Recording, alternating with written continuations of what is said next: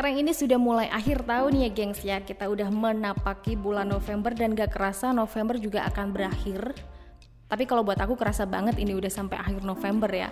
Besok udah Desember, Natal, tahun baru dan kita akan menyambut tahun yang baru. Biasanya nih ya, kalau ada tahun yang baru, kita selalu akan membuat sebuah eh, resolusi-resolusi maupun rencana-rencana baru ke depannya. Salah satunya yakni menikah pokoknya setiap ganti tahun resolusinya menikah gitu aja nggak ngerti kapan di tahun berapa resolusiku menikah sudah sejak 2017 kemarin sampai sekarang juga belum keturutan ini Nah, buat kalian yang sudah mantap ingin menikah tentunya akan menciptakan uh, apa ya pesta pernikahan impian gitu kan ya. Dan tentunya banyak banget hal yang perlu disiapkan.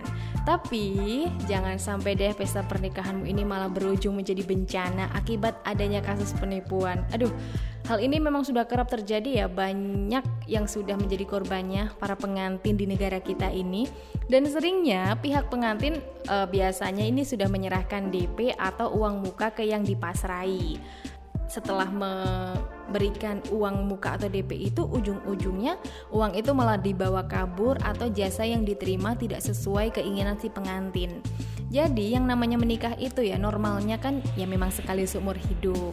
Jadi saat pesta semuanya mungkin menginginkan berjalan lancar dan tanpa adanya hambatan dan kendala ya. Nah untuk itu buat para calon pengantin wajib dan fardu ain Diketahui dulu dan pelajari dengan rinci soal siapa-siapa aja yang akan kamu ajak kerja sama demi mewujudkan pernikahan impian kamu. Delta punya solusinya, Delta punya rinciannya di sini dikutip dari kompas.com ya. Ada beberapa jenis penipuan yang sering terjadi dalam pernikahan. Yang perlu kamu perhatikan yang pertama adalah penipuan WO. Jadi ini sudah kerap terjadi ya di kalangan para calon pengantin yaitu ditipu WO atau wedding organizer uh, sini sudah bayar uang muka yang banyak. Eh tapi situnya malah pergi entah ke mana gitu. Ini sering banget terjadi. Banyak banget video-video viral yang mengatakan kalau um, resepsi pernikahan gagal gara-gara ditipu WO-nya gitu kan ya. Mungkin juga sering kita lihat di sosial media kacau bener ini kalau sudah terjadi ya kok ya tega-teganya. Ada yang dengan mudahnya merusak hari bahagia orang lain. Aduh nggak bisa ngebayangin ini neraka paling bawah ini balasannya. Jadi buat kamu pastikan saja memilih WO yang memang sudah terpercaya dan terbukti kompeten ya jadi jangan asal pilih-pilih, jangan asal-asalan juga memilihnya, jangan asal murah, asal milik teman sendiri, terus juga asal sedapatnya. Aduh ini bahaya banget ya. Penting mahal dikit nggak apa-apa, yang jelas pernikahanmu jadi berkesan indah gitu kan ya. Karena nggak selamanya yang murah itu uh, oke okay, dan ya nggak selamanya yang mahal itu oke. Okay. Yang penting apa kepercayaan di situ ya untuk wedding organizer kamu. Yap, itu yang pertama. Next yang kedua yaitu penipuan perhiasan. Jadi gengs, cincin dan perhiasan lainnya memang uh, sudah menjadi syarat yang wajib muncul ya dalam sebuah pernikahan. Jadi sebelum hari H tentunya calon pengantin disibukkan dengan pilih-pilih model cincin, kalung, gelang dan kawan-kawannya. So hati-hati, jangan asal kamu um, membelinya. Terus juga hati-hati kalau kamu harus terpaksa membeli lewat jalur online itu bahaya banget. Offline pun juga demikian. Jangan tergoda dengan diskon dan potongan harga sebesar apa pun ya. Belilah saja di tempat yang memang sudah terkenal dan teruji kualitasnya. Kan gini ya, gak lucu dong ya kalau uh, sudah gaya-gayaan, janji-janji ingin belikan perhiasan untuk calon istri, eh tapi ternyata malah dapat berlian yang palsu ya. Aduh, mau taruh di mana muka kamu di hadapan calon mertua? udah udah malu, udah rugi. Aduh, nggak bisa ngebayangin pernikahannya ya. Next yaitu penipuan vendor.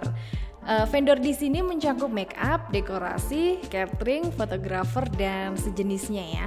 Tanpa adanya vendor yang sedemikian rupa itu tentunya pesta pernikahan kamu nggak akan berjalan mulus dengan sempurna. Nah, dianjurkan untuk memilih vendor yang lokal-lokalan saja ya, bukan yang dari luar kota.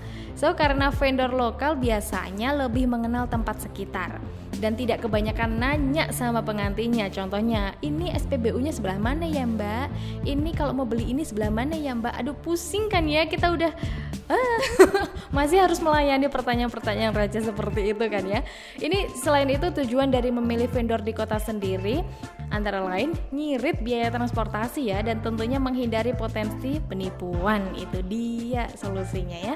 Yang terakhir yaitu penipuan calon pasangan. Ini yang terpenting.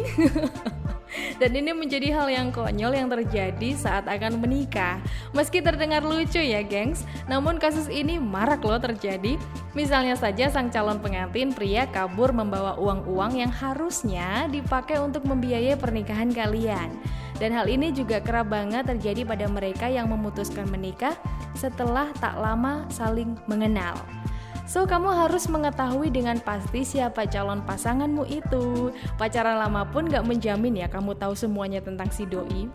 Ada yang pacaran berapa? 3 sampai 4 tahun juga ternyata belum saling mengenal, belum saling mengerti bibit bebet bobotnya. Ada juga yang baru pacaran tiga bulan, setengah tahun sudah saling mengenal. Nah itu tergantung kualitas hubungan kalian masing-masing.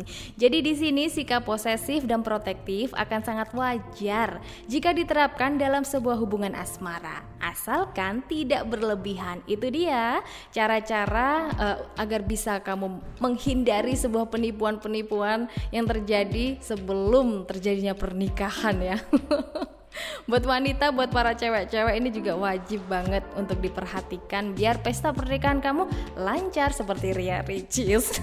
Aku Delta Gonzales, goodbye.